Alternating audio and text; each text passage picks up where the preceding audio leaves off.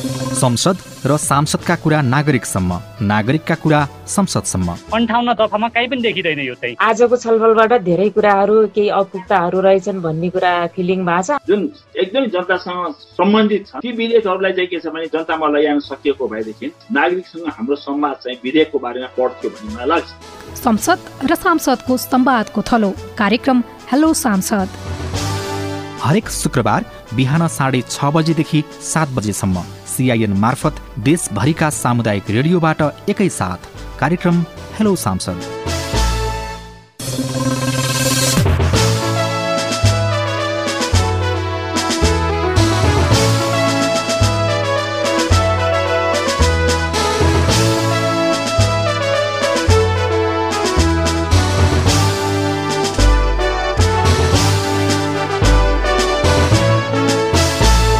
नमस्कार। कार्यक्रम हेलो सांसदमा तपाईँलाई हार्दिक स्वागत छ। म अविनाश आचार्य।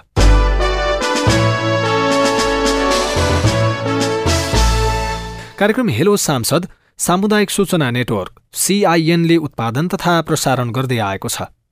हरेक हप्ताको शुक्रबार बिहान साढे छ बजे सिआइएनबाट प्रसारण हुने यो कार्यक्रम विभिन्न जिल्लाका सामुदायिक रेडियोले आफ्नो अनुकूल हुने गरी प्रसारण गर्दछन्। कार्यक्रम हेलो सांसदमा हामी विशेषतः संसद संसद मातहतका समितिका गतिविधिका बारेमा छलफल गर्छौं।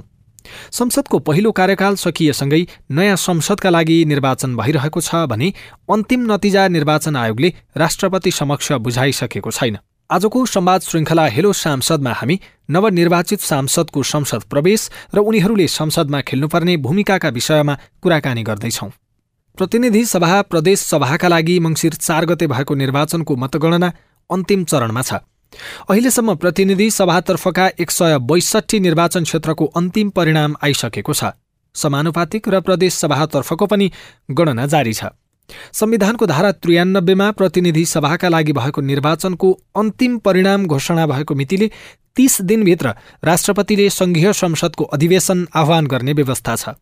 त्यसो हुँदा ढिलोमा पनि अबको एक महिनामा नवनिर्वाचित सांसदहरू संसद भवन प्रवेश गर्नेछन्। उनीहरूको स्वागतका लागि संघीय संसद सचिवालयले आवश्यक तयारी गरिरहेको छ। संसद भवनको रङरोगन मर्मत सम्भारदेखि संसदीय दलका कार्यालयहरूको व्यवस्थापनमा सचिवालय व्यस्त छ। सिआइएनसँग कुराकानी गर्दै सचिवालयका प्रवक्ता दशरथ धमलाले अहिले नयाँ दलका लागि संसदीय दलको कार्यालय व्यवस्थापन गर्ने काम चलिरहेको बताउनुभयो। अहिले प्रतिनिधि सभाको निर्वाचन पश्चात साबिकमा भइरहेका दलभन्दा केही बढी दलहरू आउने देखिएको छ। ती दलहरूलाई हाम्रो कानुनमा व्यवस्था भए बमोजिम दुईजनाभन्दा बढी सदस्यहरू हुनुहुन्छ भने उहाँहरूको का संसद दलको कार्यालय हुन्छ भन्ने व्यवस्था छ र उहाँहरूलाई संसद दलको कार्यालय उपलब्ध गराउनुपर्ने हाम्रो दायित्व हुन्छ। यसरी बढेका दलहरूको लागि सबभन्दा पहिला न जो अहिलेसम्म छैन कार्यालय ती दलहरूको लागि नयाँ कार्यालय खोज्ने काम भइरहेको छ। हामीसँग अहिले सीमित ठाउँ छ। सीमित संरचना छन्। ती सीमित संरचनाले पुग्दैन। त्यसैले उहाँहरूको लागि आवश्यक पर्ने त्यस्ता संसदीय दलका कार्यालय कहाँ उपयुक्त हुन्छ भनेर त्यस्ता ठाउँहरूको खोजी कार्य भइरहेको छ। हामी नेपाल सरकारसँग समन्वय गरेर ती ठाउँहरूको पहिचान गर्छौँ र प्राप्त गर्न कोसिस गर्छौँ। प्राप्त भयो भने नेपाल सरकारले उपलब्ध गराउन सफल भयो भनेदेखि हामी त्यो ठाउँमा व्यवस्थापन गर्छौँ। सिंहदरबारभित्रै। सिंहदरबारभित्रै।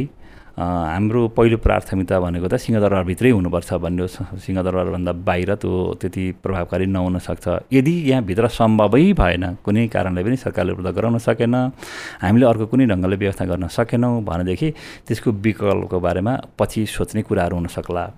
अब अहिले नेपाल सरकारले तत्कालै त्यस्ता संरचना उपलब्ध गराउन सकेन भनेदेखि हामीले व्यवस्था त गर्नुपर्ने छ। हामी कहाँ अर्थ मन्त्रालयबाट स्रोतको खोजी गरे भने थप स्रोत प्राप्त गरे भने माग गरेर भए पनि प्रिफ्याबका भवनहरू त्यस्ता संरचना बनाएर भए पनि दिनुपर्ने हुन्छ। किनभने संसदीय दलका कार्यालय त चाहिन्छ त्यो कानुनी बाध्यता हो। त्यसले हामीसँग स्रोत फेरि ती भवनहरू बनाउनका लागि प्रिफ्याबका भवनहरू बनाउन पनि स्रोत छैन। त्यो स्रोतको लागि त अर्थ मन्त्रालयसँग माग गरि माग गरेर नै उपलब्ध गराउनुपर्ने अवस्था हुन्छ। एउटा काम हामी पहिलो प्राथमिकता राखेर यो काम गरिरहेका छौँ। यसका अतिरिक्त यहाँको जिज्ञासा अनुसार अहिले जुन संसदीय दलका कार्यालयहरू छन् ती कार्यालयहरूलाई पनि अरू व्यवस्थित गर्नका लागि हामीले रङ रोगन गर्ने मर्मत सम्हार गर्ने टुटफुट भएका फर्निचर लगायतका कार्यकक्षहरूको व्यवस्थापन गर्ने मिलाउने ती मर्मत सम्हारका कामहरू पनि सँगसँगै गरिरहेका छौँ। त्यसका लागि अनुमानित लागत चाहिँ सङ्घीय संसद सचिवालयको कति हुन्छ? यो दुईवटा कुरा हुन्छ। एउटा मर्म सम्मार भन्ने नियमित प्रक्रिया हो। नियमित प्रक्रियाको लागि कति लाग्छ भन्ने कुरो त्यहाँ हेर्दै गर्दा गर्दै जाँदा के कस्तो अवस्था आउँछ भन्ने कुरासँग सम्बन्धित हुन्छ। धेरै त्यहाँ फर टुटफुट भएका रहन्छन् भनेदेखि कम लागत लाग्ने भयो। तर यो खास त्यस्तो धेरै लाग्ने त भएन। तर यदि नयाँ नै केही संरचना बनाउनु पर्ने भयो अब हामीसँग अहिले अरू सिभिल वर्क गरेर गर्न सक्ने अवस्था त छैन। उयो प्रिफ्याबका केही संरचनाहरू बनाउनु पर्छ कि भन्ने एउटा कुरा हो तर बनाउनु पर्छ भन्ने नै छैन अहिले। यदि नेपाल सरकारले हामीलाई आवश्यकताअनुसारका संरचनाहरू त्यस्ता कार्यकक्षहरू स्थापना गर्नका लागि कुनै त्यस्ता भवनहरू उपलब्ध गरायो भने यो च्याप्टरै बन्द हुन्छ। त्यो सम्भव भएन भनेदेखि मात्रै हामीले त्यतातिर लाग्ने हो। त्यसैले अहिले नै यति खर्च लाग्छ भनेर हामीले भन्न सक्ने अवस्था त रहँदैन। अब संसदको बैठक पनि नयाँ भवनमा यसै पालि सर्न सकिन्छ कि भन्ने खालका अनुमानहरू बाहिर छन्। त्यो नयाँ भवनको निर्माणको तयारी निर्माण प्रक्रिया कहाँसम्म पुग्यो र यो अहिले नै सर्न सक्ने खालको जुन आकलन बाहिर सुनिन्छ त्यो अहिले सम्भव छ कि छैन? यहाँले अपेक्षा गरे अनुसार हाम्रो पनि अपेक्षा थियो छ। जति सक्दो चाँडो त्यो भवन सम्पन्न होस् र हामी त्यो नयाँ भवनबाट हाम्रा नवनिर्वाचित सदस्यहरू आएपछि प्रतिनिधि सभा र राष्ट्रिय सभाका बैठकहरू हाम्रा कार्यक्षहरू सबै त्यहाँ सिफ्ट गरेर सञ्चालन गर्न सकौँ भन्ने हाम्रो अपेक्षा हो। तर त्यहाँको वस्तुगत अवस्थालाई हेर्दा यति छिटै त्यो सम्पन्न हुने देखिँदैन। बिचमा कोभिड लगायतका कारणबाट त्यो भवन चाहिँ समयमा सम्पन्न हुन जुन निर्धारित समय थियो त्यो समयमा सम्पन्न हुन सकेन भनेर आगामी चैतसम्म त्यसको चाहिँ ठेक्का सम्झौता थपिएको भन्ने जानकारी प्राप्त भएको छ। तर हाम्रा सङ्घीय संसदका पदाधिकारीहरू महासचिव लगायतका व्यक्तित्वहरूबाट त्यहाँको स्थलगत निरीक्षण गर्दा हेर्दा अवलोकन गर्दाखेरि त्यो समयभित्र पनि सम्पन्न हुने अवस्था देखिँदैन। त्यहाँ चाहिँ त्यो समय भनेको चाहिँ सिभिल वर्क गर्ने अथवा त्यहाँका संरचनाहरूको निर्माण सम्पन्न गर्ने भन्ने समय हो। त्यसका अतिरिक्त त्यहाँभित्रका सजावटका कुराहरू इन्टेरियर डिजाइनका कुराहरू त्यो काम गर्न ती ती सबै काम गर्नको लागि चाहिँ अरू समय लाग्छ। किनभने संसद भवन भनेको कुनै एउटा घर बनाए जस्तो होइन। त्यहाँ मसिना कुराहरू हेरेर धेरै थुप्रै कामहरू गर्नुपर्छ। त्यहाँ साउन्ड सिस्टम मिलाउनु पऱ्यो माइक सिस्टम मिलाउनु पऱ्यो त्यसै गरी चाहिँ त्यहाँ चाहिँ अरू कम्युनिकेसनका तारहरू मिलाउनु पर्ने हुन्छ। डिस्प्लेका चाहिँ त्यो केबलहरूको व्यवस्था गर्नुपर्ने हुन्छ।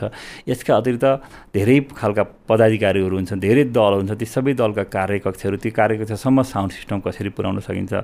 सचिवालयका पदाधिकारीहरू कार्य त्यसै गरी सचिवालयका अरू महाशाखा शाखाहरूको कसरी व्यवस्थापन गर्न सकिन्छ संसद दलका कार्यालय भयो समिति सचिवालयका कुराहरू भए त्यसै गरी चाहिँ क्यान्टिन लाइब्रेरी यी लगायत थुप्रै थुप्रै थुप्रै संवर्धन छ सबै ठाउँमा काहीँ न काहीँ कुनै न कुनै ढङ्गले ए दोहोरो रिलेसन न कम्युनिकेसन हुने खालका त्यस्ता आन्तरिक व्यवस्थाहरू मिलाउनु पर्ने हुन्छ एउटा कुरा। दोस्रो कुरा सङ्घीय संसद भनेको नेपालको रिफ्लेक्सन हो। हाम्रो बहुजातीय बहुजात बहुभाषी बहुसांस्कृतिक यस्तो खालको कल्चर भएको यो चाहिँ यो भनौँ न बहुप्रकृति भएको देशमा बहुजातीय मुलुकमा सबै जातिहरूको सबै समुदायहरूको रिफ्लेक्सन होस्। सबैको त्यहाँ चाहिँ त्यहाँ चाहिँ केही न केही ढङ्गको त्यहाँ प्रतित्व होस् भन्ने ढङ्गले पनि त्यो संसद भवन हेरिनुपर्छ त्यो किन राष्ट्रिय धरोहर हो।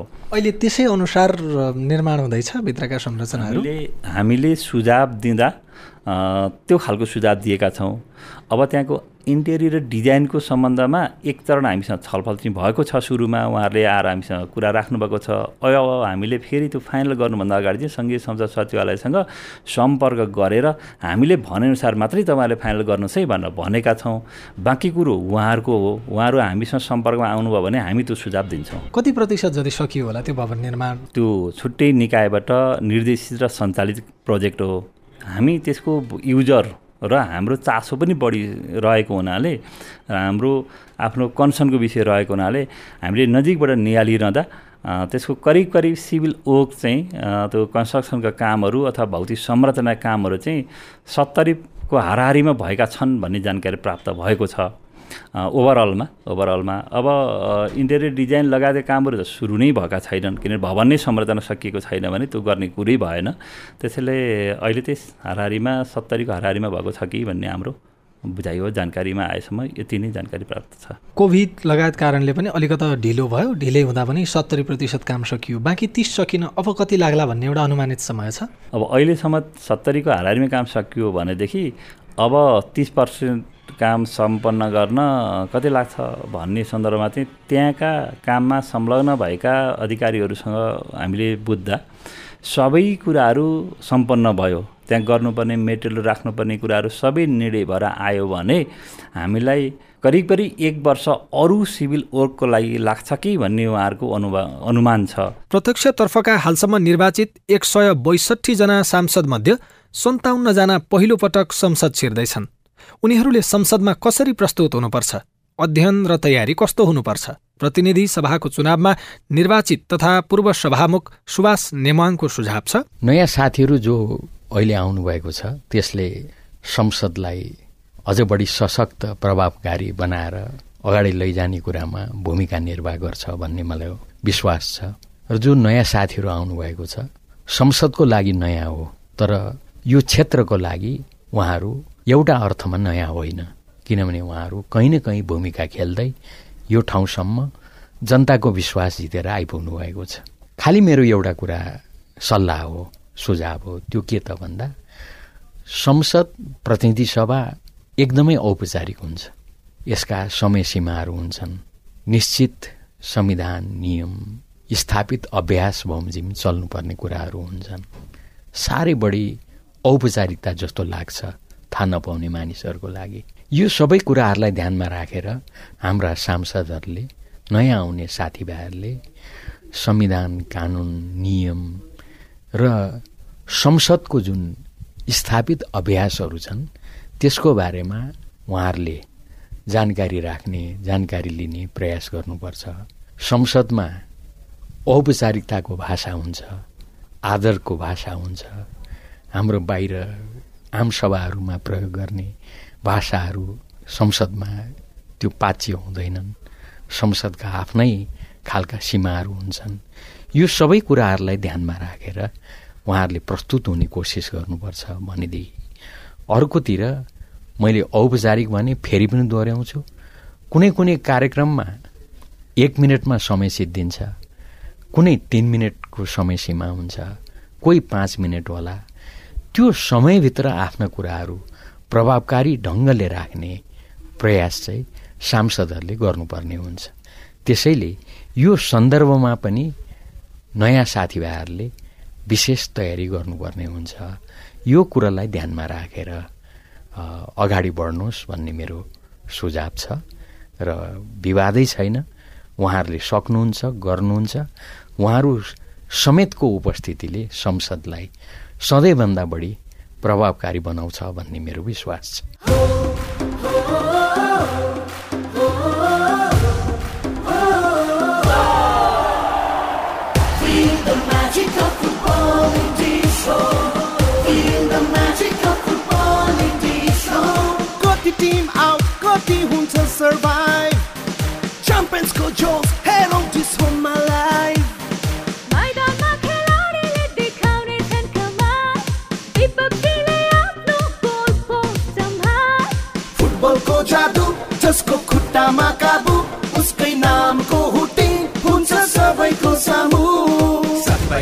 फुटबल हेरेर चिल गरौँ विश्वमा घरमै स्टेडियमको फिल गरौँ बल आधा पोलमा सुट हुन्छ गोलमा हल्ला हुन्छ गोलमा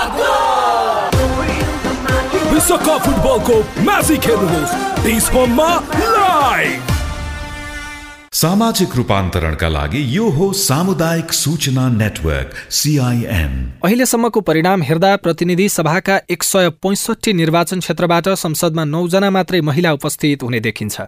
संविधान अनुसार संसदमा उपस्थित हुनुपर्ने महिलाको संख्या पुर्याउन बाँकी सांसद समानुपातिकबाट छनौट हुनेछन्।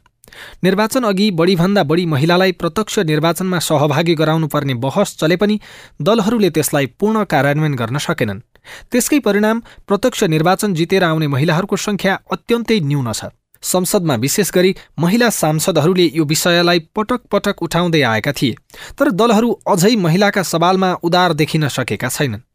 हालै सम्पन्न निर्वाचनबाट नयाँ दलका नयाँ र युवा अनुहारहरू संसदमा देखिँदैछन्। केही समानताकै सवालमा वकालत गर्दै आएका महिला पनि त्यसभित्र छन्। अब संसदभित्र रहेर निर्वाचनदेखि हरेक क्षेत्रमा महिलाको सहभागिता बढाउने विषयमा उनीहरूको भूमिका कस्तो हुनुपर्छ? सिआइएनसँग कुराकानी गर्दै पूर्व सांसद बिन्दा पाण्डेले भन्नुभयो। अब हामीले त्यो एक तिहाईको कुरो कम्तीमा अहिले उठाएको भनेको चाहिँ अब संविधान कार्यान्वयनको चरणमा नै हामी छौँ। र संविधानले समानुपातिक सहभागिता भन्ने छ त्यो पनि मौलिक हकमा। त्यसले गर्दा अहिले एकैपल्ट चाहिँ समानुपातिकमा जान सकिँदैन भने पनि हामी स्टेप वाइज जाँदाखेरि पनि यसपालि चाहिँ नि एक तिहाई महिला उम्मेदवार चाहिँ सबै दलहरूले दिनुपर्छ भन्ने खालको कुरा हामीले संविधान कार्यान्वयनको कुरासँग जोडेर गरिएको संसदमा पनि उठायौँ। संसदमा कुरा गर्दाखेरिमा हामीले अब निर्वाचन आयोगले त्यो विधेयक मस्यौदा नै गरिरहेछ। अब सम्भव भएसम्म सरकारले त्यसलाई छिटो ल्याओस् र त्यसलाई चाहिँ फास्ट ट्र्याकबाट पास गरौँ अरू जसरी गरेका छौँ। त्यो हुँदैन भनेदेखि चौन्नमा पनि हामीले वडामा एकजना महिला भन्ने खालको कुरा चाहिँ नि अध्यादेश ल्याएर नै गरेका थियौँ भने अहिले पनि अध्यादेश ल्याएर भने पनि संविधान कार्यान्वयनको सन्दर्भमा गरौँ भनेका थियौँ। त्यो चाहिँ कुनै पनि राजनैतिक दलले पनि सुनवाई गरेन सरकारले पनि सुनवाई गरेन। पछाडि उम्मेदवारी दिने क्रममा पनि अब समानुपातिकलाई नदोर्याउने भन्ने अधिकांश दलहरूको चाहिँ निर्णय रह्यो।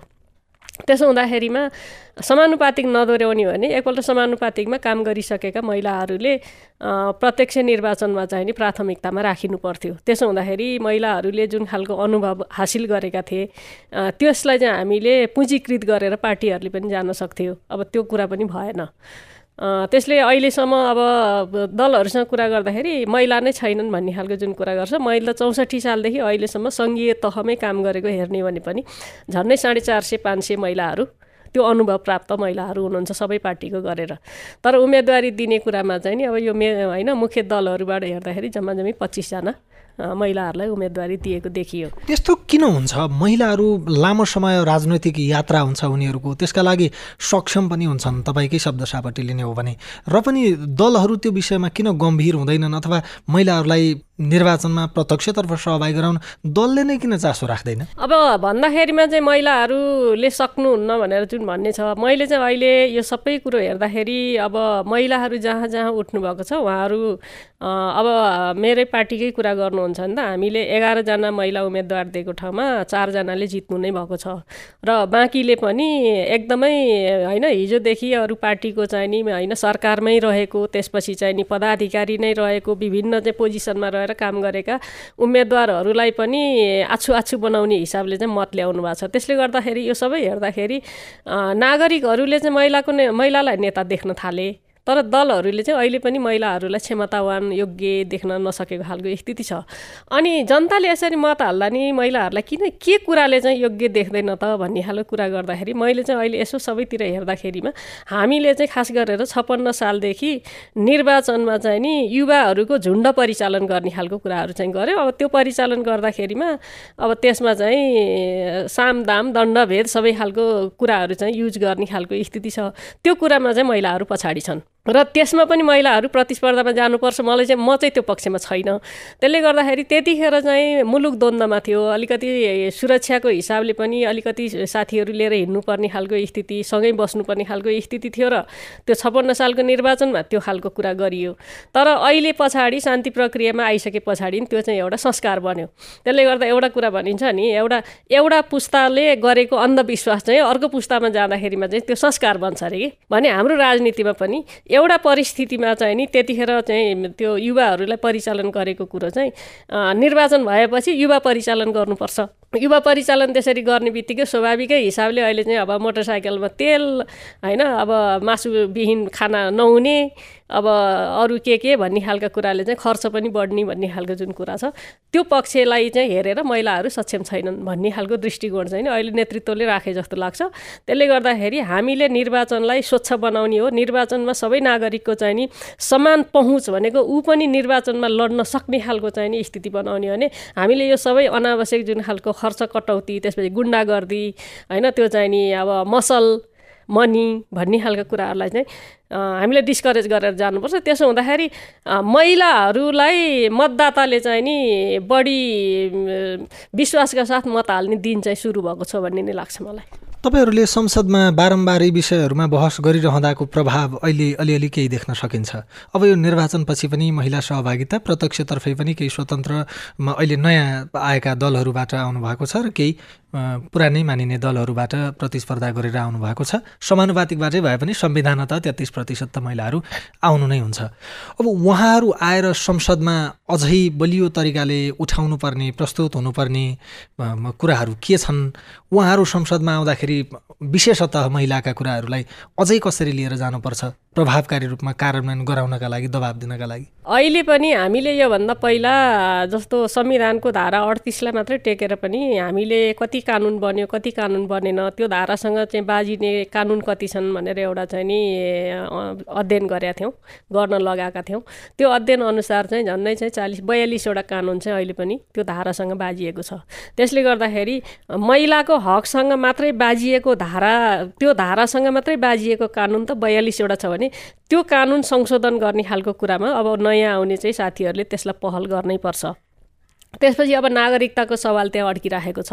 त्यो नागरिकताको सवाललाई हामीले कम्तीमा पनि समानताको कुरालाई चाहिँ नि सुनिश्चित गर्ने हिसाबले जे प्रावधान राखे पनि त्यसमा महिला र पुरुष भएर जन्मिएको आधारमा चाहिँ नेपाली नागरिकको बिचमा चाहिँ उसको दम्पति उसको सन्तानलाई विभेद गर्न पाइँदैन भन्ने खालको कुरामा चाहिँ उहाँहरूले अलिकति चाहिँ नि स्पष्ट दृष्टिकोणका साथ त्यसलाई चाहिँ नि अगाडि बढाउनु पर्ने जरुरी छ।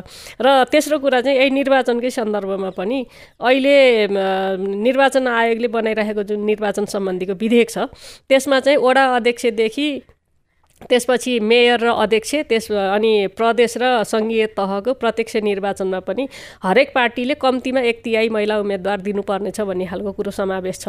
अब त्यसलाई त्यहाँभन्दा घट्न दिनु भएन तर बढीमा चाहिँ नि संविधान सम्मत हिसाबले समानुपातिक हिसाबले नै उम्मेदवारी दिनुपर्छ भन्ने हिसाबले उहाँहरूले पहल गर्नुपर्छ र सम्भव भएसम्म त्यो चाहिँ नि संविधानको मर्म अनुसार त्यो समानुपातिक उम्मेदवारी दिनुपर्छ भनेको कम्तीमा फिफ्टी पर्सेन्ट महिलाहरूलाई उम्मेदवार चाहिँ नि वडा अध्यक्ष मेयर त्यसपछि अध्यक्ष र यता के अरे प्रदेशको र सङ्घीय तहको प्रत्यक्ष निर्वाचनमा उम्मेदवार बनाउने भन्ने खालको कुरा गर्नुपर्छ। अब यो सँगसँगै जोडिएर चाहिँ नि अब यो राज्य संयन्त्रमा मात्रै सहभागिता भएर हुँदैन। यो चाहिँ नि राजनैतिक दलमै पनि अब पहिला हामीले संविधानमा राख्न सकेनौँ पछि कानुनमा एक तिहाईको कुरा भएको छ। राज्यको हरेक निकाय भनेपछि सबै लोकतन्त्रमा सबभन्दा महत्त्वपूर्ण संस्था भनेको चाहिँ नि राजनैतिक दल हो। त्यसले राजनैतिक दलको पदाधिकारीदेखि हरेक तहमा पनि कम्तीमा एक तिहाई र बढीमा समानुपातिकसम्म जाने गरी त्यो पनि चाहिँ संशोधन गर्न जरुरी छ। जुन दिनसम्म राजनैतिक दलको अन्तिम निर्णय गर्ने ठाउँमा हामीले सन्तुलित सहभागिता बनाउन सक्दैनौँ। त्यो दिनसम्म चाहिँ नि एउटा पक्ष चाहिँ माग गरिराख्ने र अर्को पक्ष चाहिँ दिने भन्ने खालको जुन खालको एउटा चाहिँ भाष्य स्थापित भएको छ त्यो कुरालाई हामीले हटाउन सक्दैनौँ। त्यसले गर्दा यी विषयहरूमा चाहिँ यो महिलाका मात्रै विषय होइन यो चाहिँ नि हामीले समाजलाई अब कसैले समृद्ध समाज भनेका छन् कसैले समुन्नत समाज भनेका छन् समुन्नतिका कुरा गरे पनि समृद्धिका कुरा गरे पनि त्यो एउटा पक्ष अथवा त्यो आधाभन्दा बढी जनसङ्ख्यालाई विभेद गरेर कुनै पनि समाज समाज न समुन्नत बन्छ न समृद्ध बन्छ भन्ने कुरालाई चाहिँ स्थापित गर्ने हिसाबले जानुपर्छ। पार्टीमै पनि नेतृत्व तहमा र निर्णायक तहमा महिलाहरूलाई पुर्याउने विषयमा बहस लामो समयदेखि चलिराखेको छ र अहिले पछिल्लो समय यो विशेष गरी यो निर्वाचनपछि त्यो राज्य सञ्चालन गर्ने तहमै समितिमै अथवा भनौँ मन्त्री परिषदमै महिलाहरूको चाहिँ तेत्तिस प्रतिशत मन्त्रालयमा सहभागिता हुनुपर्छ भन्ने खालको विषय चाहिँ उठिराखेको छ। तपाईँलाई के लाग्छ यो विषय विषयका लागि उठाइएको हुनसक्छ अथवा तत्कालै यी कुराहरूलाई कार्यान्वयनमा लैजान सम्भव छ सहज छ त्यसका लागि को कसरी कुन हदसम्म तयार हुनुपर्छ? यसमा मलाई चाहिँ दुईवटा कुरा लाग्छ। एउटा कुरो चाहिँ यसपालिको हामीले मतको जुन खालको चाहिँ नि त्यो प्याटर्न हेऱ्यौँ। त्यो प्याटर्न भनेको चाहिँ नि मतदाताहरूले परिवर्तनको पक्षमा चाहिँ मत हाल्नु भएको छ। अब यद्यपि यो सुन्दाखेरिमा चाहिँ अब मेरै दलमा पनि नराम्रो लाग्न सक्छ होइन? किन भन्दा मेरो दल दुईवटा दल अहिले चाहिँ खास गरी नेपाली कङ्ग्रेस र एमालेको कुरा गर्ने भनेदेखि अब एमाले जनताको मतको हिसाबले एमाले फर्स्ट पार्टी भएको छ। अनि सङ्ख्याको हिसाबले हेर्ने भनेदेखि कङ्ग्रेस फर्स्ट पार्टी भएको छ। तर यो अनि आम नागरिकहरूको चाहिँ नि त्यो जुन जुन ढङ्गले उहाँहरूले मत हाल्नुभयो उहाँहरूले चाहिँ नि त्यो अन्तिम लिडरसिपमा पनि परिवर्तनको माग चाहिँ गर्नुभएको छ भन्ने नै अहिलेको कुरा हो। त्यसले गर्दाखेरि अब अहिले दुवैतर्फको गठबन्धन चाहिँ नि सरकार बनाउने कसरतमा भनिराख्दाखेरिमा पनि हिजो जो जो चाहिँ प्रधानमन्त्री भइसक्नु भएको छ उहाँहरूभन्दा बाहेकको मान्छे नागरिकले खोजेका छन् भन्ने कुरालाई अनुभूति गर्न सक्नुभयो भनेदेखि त्यो एउटा कुरा हो। र अर्को कुरो चाहिँ त्यो त्यो परिवर्तन त्यसरी चाहिँ नि शीर्ष तहको पदमा हुने हो सरकारको पनि भनेदेखि एक तिहाई महिला सहभागिताको चाहिँ प्रतिबद्धता उहाँहरूले चाहिँ सार्वजनिक हिसाबले पनि गर्नुपर्छ र त्यसलाई व्यवहारिक हिसाबले पनि कार्यान्वयन गर्नुपर्छ। र अब यो संसद बसिसके पछाडि पछाडि सुरुमा नै जसले अहिले चाहिँ एक तिहाई महिला सहभागिता चाहिँ सरकारमा पनि गराउँछौँ गर्नुपर्छ भनिराख्नु भएको छ।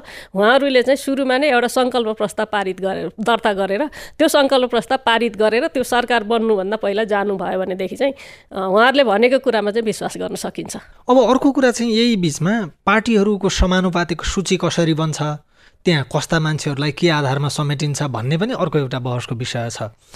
त्यो सूचीमा तयार भएर त्यहाँबाट समेटिएर आउने महिलाहरू फेरि राज्यको नेतृत्वमा पुगेर राज्य सञ्चालन गर्ने तहसम्म त्यहाँ रहन सक्लान् भन्ने खालको पनि एक किसिमको तर्क र एक किसिमको प्रश्न केही मान्छेहरूले गर्छन्।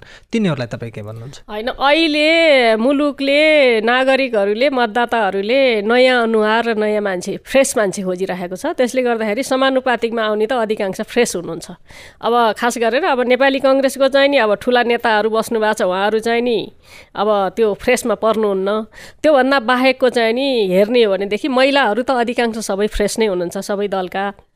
किन भन्दाखेरि अब समानुपातिकलाई दोहोऱ्याइएको छैन नदोहोऱ्याउने बित्तिकै अब अधिकांश महिला त्यहाँ जानुहुन्छ उहाँहरू भनेको चाहिँ नि अब नयाँ साथीहरू नै हुनुहुन्छ। त्यसले गर्दा नयाँ साथीहरू त्यहाँ पुग्दाखेरि भनेको चाहिँ नि आफूले जुन नयाँ सोच र अहिले चाहिँ नि मैदानमा चाहिँ के कुरा उठिरहेको छ भन्ने खालको कुरासहित उहाँहरू आउनुहुन्छ। त्यसले गर्दाखेरि हिजोको हिजो के गरिएको थियो हिजोको लिगासी के थियो भन्ने खालको कुराबाट उहाँहरू चाहिँ अझै चाहिँ अगाडि बढेर काम गर्न सक्नुहुन्छ जस्तो लाग्छ मलाई। त्यसले गर्दाखेरिमा अहिले ना मतदाताले खोजेको चाहिँ नि फ्रेस अनुहार र आउँदै गरेको महिला समानुपातिकबाट आउने चाहिँ फ्रेस महिलाहरूलाई हेर्दाखेरिमा महिलाहरूलाई त्यो जिम्मा दिने हो भने उहाँहरूले राम्रोसँग काम गर्न सक्नुहुन्छ भन्ने नै लाग्छ। प्रदेश तथा प्रतिनिधि सभाको निर्वाचन र निर्वाचित सांसदको स्वागतका लागि भएको तयारी र सांसदले आगामी दिनमा खेल्नुपर्ने भूमिका लगायत विषयमा कुराकानी गर्दा गर्दै कार्यक्रम हेलो सांसदको समयावधि सकिनै लागेको छ। कार्यक्रमको आजको अङ्क सुनेपछि तपाईँको मनमा लागेका विचार प्रश्न या कुनै जिज्ञासा भए तपाईँले हामीलाई पठाउन सक्नुहुनेछ। त्यसका लागि हाम्रो इमेल ठेगाना हो साझा खबर at the rate Gmail dot com अनि शून्य एक बाहन्न साठी छ चार छमा फोन गरेर पनि आफ्नो विचार र प्रतिक्रिया रेकर्ड गर्न सक्नुहुन्छ। प्रविधिमा साथ दिने सुरेन्द्र सिंहलाई धन्यवाद दिँदै म अविनाश आचार्य पनि हेलो सांसदको आजको अङ्कबाट विदा हुन्छु। नमस्कार।